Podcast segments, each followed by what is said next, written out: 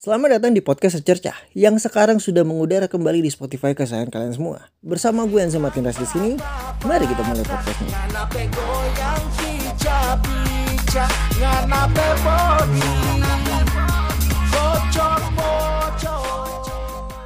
Siapa yang gak tahu aplikasi ini? Aplikasi ini dulu sempat ramai banget gara-gara satu influencer yaitu Arif Muhammad yang selalu jawab-jawabin warganet di tahun 2010-an awal kayaknya. Anyway, gue main FM ini uh, sekedar karena emang pengen mengisi kekosongan aja. Karena gue punya rasa star syndrome tersendiri, jadilah gue mencoba untuk masuk ke ranah XFM lagi. Berbekal sedikit pengetahuan tentang proses penciptaan alam semesta, jadi gue memberanikan diri untuk masuk ke dalam lubang hitam yang menurut gue ini udah gak seasik kayak zaman dulu. Oke, okay kalau uh, kalau lo dengar sampai detik ini gue cuma mau kasih tahu bahwa disclaimer aja apa yang gue bahas adalah murni pendapat gue. Kalau menurut lo pendapat gue nggak sesuai I don't fucking care. Kita lanjut ya. Menurut gue di sebuah aplikasi besar pasti memiliki copycat atau bahasa sederhana bahasa sederhananya yaitu imitasi. Gue gak tahu duluan mana Quora atau FM tapi yang jelas yang gue bahas di sini adalah FM karena gue nggak terlalu sering ikutin apa yang training di Quora. Honestly, emang Quora itu aplikasi yang kompleks yang lo sebenarnya bisa memilih topik pembahasan apa yang lo mau sesuai kriteria uh, akan minat baca lo. Kalau emang lo minat bacanya adalah tentang hukum Indonesia, Quora menyediakan perdebatan agama juga itu juga disiapin di sana. Uh, sama kayak apa ya? Sama kayak kemarin kita bahas antara Clubhouse sama Lead Match. Clubhouse itu Quora di mana lo bisa memilih topik apa aja lo pengen sedangkan Aks FM itu kayak lead match yang lo butuh adalah kebijakan atas diri lo sendiri untuk memilih siapa teman bergaul lo. Oke, bahasa basinya terlalu panjang menurut gue, so ya kita langsung bahas aja keunikan dari penduduk Aks FM. FM itu punya tipe penanya. Yang pertama ini adalah anonisme.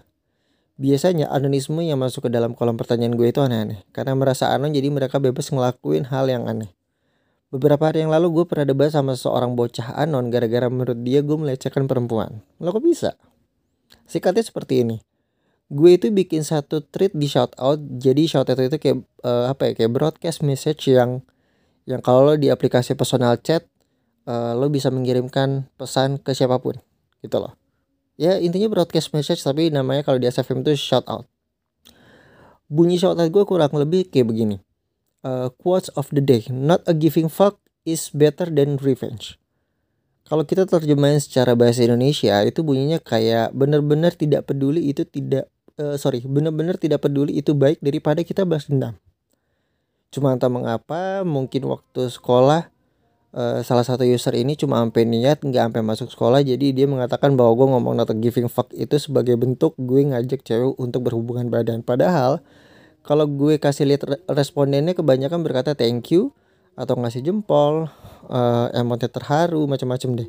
Gak ada satupun orang yang tersinggung sama sekali. Hingga si user bodoh ini nyaut dan menggunakan fitur anonim mengatasnamakan seseorang. Kocaknya adalah si orang yang dia bela ngomong mending lo balik sekolah deh daripada uh, lo main FM. Jadi si yang dibelain ini malah nyerang balik orangnya gitu loh dan menurut gue itu lucu banget sih jadi bumerang sendiri buat dia buat yang kenal sama gue, gue punya banyak waktu untuk ngata-ngatain orang bodoh macam ini. Mungkin lo akan berkata lo nggak akan ada bedanya sama si user bodoh ini, tapi percayalah ngatain orang bego itu uh, punya kepuasan tersendiri. Karena mungkin saat itu mood gue juga lagi kesel sama orang, tapi karena malas negor orangnya langsung, jadi yang kenapa sih user tolol ini? Jadi memang untuk fitur anonim ini gue senyapkan karena memang pertanyaannya sometimes itu irrelevant sama gue dan gue menganggap pertanyaan kayak begini nggak perlu ada daripada nanti gue tanggepin dan ujung-ujungnya tersinggung jadi ya udah gue tutup aja. Sekarang yang masuk ke kolom pertanyaan gue yang bisa gue lihat profilnya aja. Nah yang kedua adalah leaderboard. Leaderboard di sini gue kadang bingung nggak tahu apa yang kalian lakukan yang cuma yang jelas setiap gue baca jawabannya dari setiap orang-orang yang ada di leaderboard ini sangatlah menarik termasuk gue gitu loh. Btw sampai detik ini tulisan yang gue buat buat skrip uh, podcast episode ini gue ada di peringkat 20 user terbaiknya FM se-Indonesia I'm fucking confused and happy at the same fucking time. Bingungnya kok bisa dan apa benefit yang bisa gue dapatkan kalau gue masuk leaderboard. Dan yang kedua adalah kenapa uh, gue seneng aja tapi nggak tahu senengnya kenapa. Yang jelas uh, seperti yang tadi gue tanyakan adalah benefitnya. Apakah dengan masuk leaderboard ASFM gue bisa nyewa hotel Kempinski dengan gratis atau gue bisa makan minum Burger King atau minum Starbucks dengan potongan diskon sampai 80% gue nggak tahu benefitnya apa tapi intinya uh, gue ada di ranking 20 besar se-Indonesia. Yang terakhir adalah tipe-tipe jawaban yang meh. Ya kalau lo mau jawaban yang serius lo bikin aja aplikasi sendiri pasti lo pengen ngomong kayak gitu kan but nah gue pengen bikin aplikasi kayak gitu tapi kayaknya gue nggak bisa kadang pertanyaan yang yang udah gue siapkan itu sudah menjurus ke serius maksud gue eh, pertanyaan-pertanyaan personal yang memang serius gitu loh tapi jawabannya kadang mie aja gitu walaupun gue nggak bisa expect sih uh, jawaban apa yang bakal gue terima nantinya mungkin salah satu bukti Indonesia itu nggak bisa diajak maju secara gerilya ya karena emang banyak beberapa orang yang nggak bisa merespon atau nggak punya daya lebih di otaknya buat berpikir serius Apakah itu salah? Enggak sih, ya kembali ke pribadinya. Tapi gue berharap jawabannya serius banget. What the fuck lah, bodo amat. Oke, sebagai penutup gue bakal dapatin janji gue kepada kalian. Di mana gue sempat memberikan shout out tentang zodiak. Gue berikan informasinya di sini ya. Gue ulangi pertanyaannya. Zodiak lo apa? Gue kasih sedikit informasi balas shout out ini tapi jangan anon ya. Selamat datang di baca-baca zodiak. Buat kamu, Aries. Aries mungkin dikenal sebagai orang yang memiliki banyak energi, tetapi kelebihan energi ini terkadang bisa menjadi negatif karena membuat mereka lebih rentan mengalami kecelakaan. Tidak heran jika mereka sering mengalami memar dan luka. Untuk kamu yang berzodiak Taurus, tak hanya keras kepala dan setia, Taurus adalah seorang yang handal menangani keuangan. Masa sih saya Taurus tapi saya boros. Meskipun penghasilan mereka pas-pasan, mereka tetap akan memiliki tabungan yang bermanfaat dalam jangka yang panjang. Saatnya akan tiba ketika mereka akan memulai menghasilkan banyak uang dan tidak diragukan lagi. Mereka akan memiliki kemampuan untuk menginvestasikan hartanya dengan benar. Buat kamu yang berzodiak Gemini, Gemini adalah tanda yang paling sering menjadi pemimpin. Ini mungkin karena keinginan mereka untuk melakukan banyak hal sekaligus. Mereka menggunakan kecerdasan mereka dengan cara yang lebih tenang. Untuk kamu berzodiak Cancer, meskipun Cancer biasanya dikenal sangat penyayang dan peduli terhadap orang yang bisa mereka cintai, mereka juga cenderung terlalu terpengaruh oleh emosi. Itulah sebabnya Cancer yang memiliki mental tidak stabil umumnya sering melakukan kerusuhan. Jika kamu termasuk tanda ini atau kamu termasuk orang-orang dari Cancer, pastikan kamu mengandalkan emosimu dengan baik agar hidupmu baik-baik saja. Untuk kamu, Leo, banyak orang yang sudah tahu bahwa Leo adalah pemimpin yang sangat baik. Mereka juga memiliki jiwa relawan yang sangat tinggi. Ketika diperlukan, mereka akan secara alami bersemangat untuk membantu orang yang membutuhkannya. Karakter tersebut khususnya terdapat pada seseorang.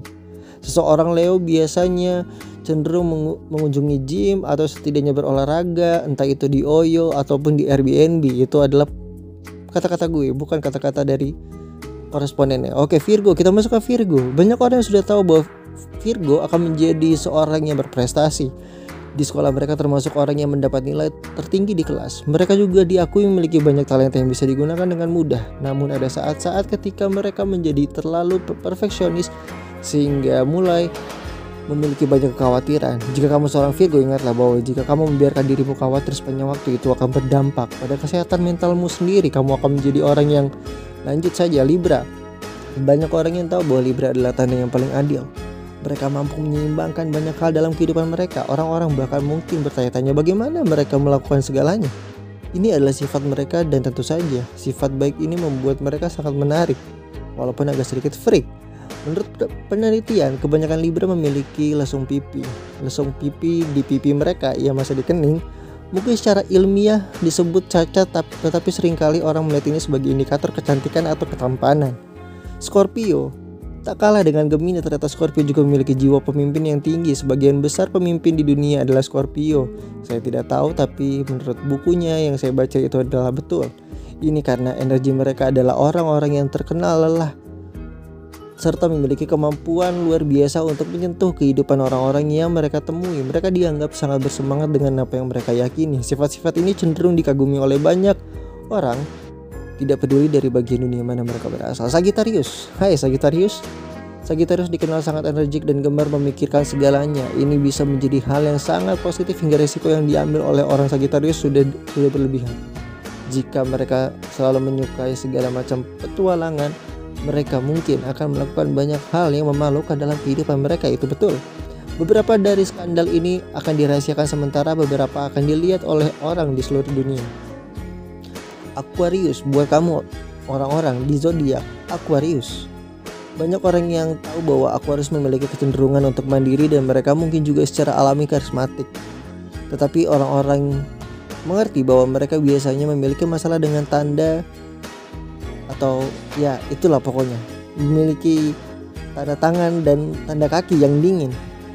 Ya, Aquarius sering mengalami tangan dan kaki yang dingin dan untuk mengatasinya mereka perlu menjaga suplai darah tetap lancar dengan melakukan berbagai aktivitas yang bisa membuat mereka merasa hidup. Untuk Pisces, Angka 7 membawa Pisces pergi dan memberi mereka keberuntungan juga. Dan apa yang kamu dengar sampai saat ini adalah artikel dari majalah Cosmopolitan tahun 1998.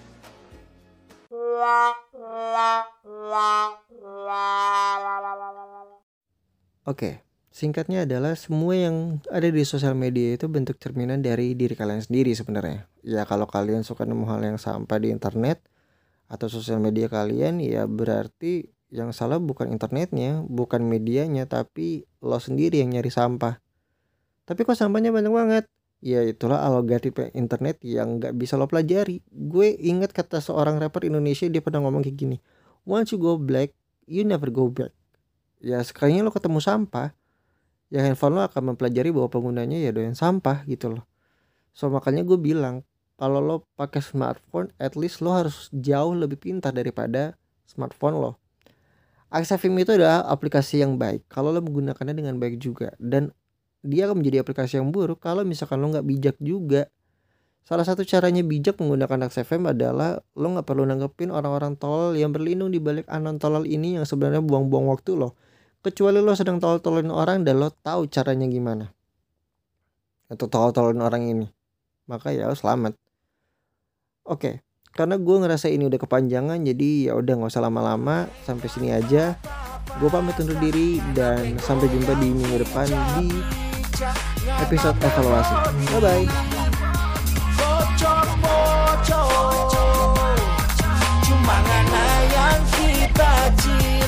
Cuma ngana yang kita sayang. Cuma ngana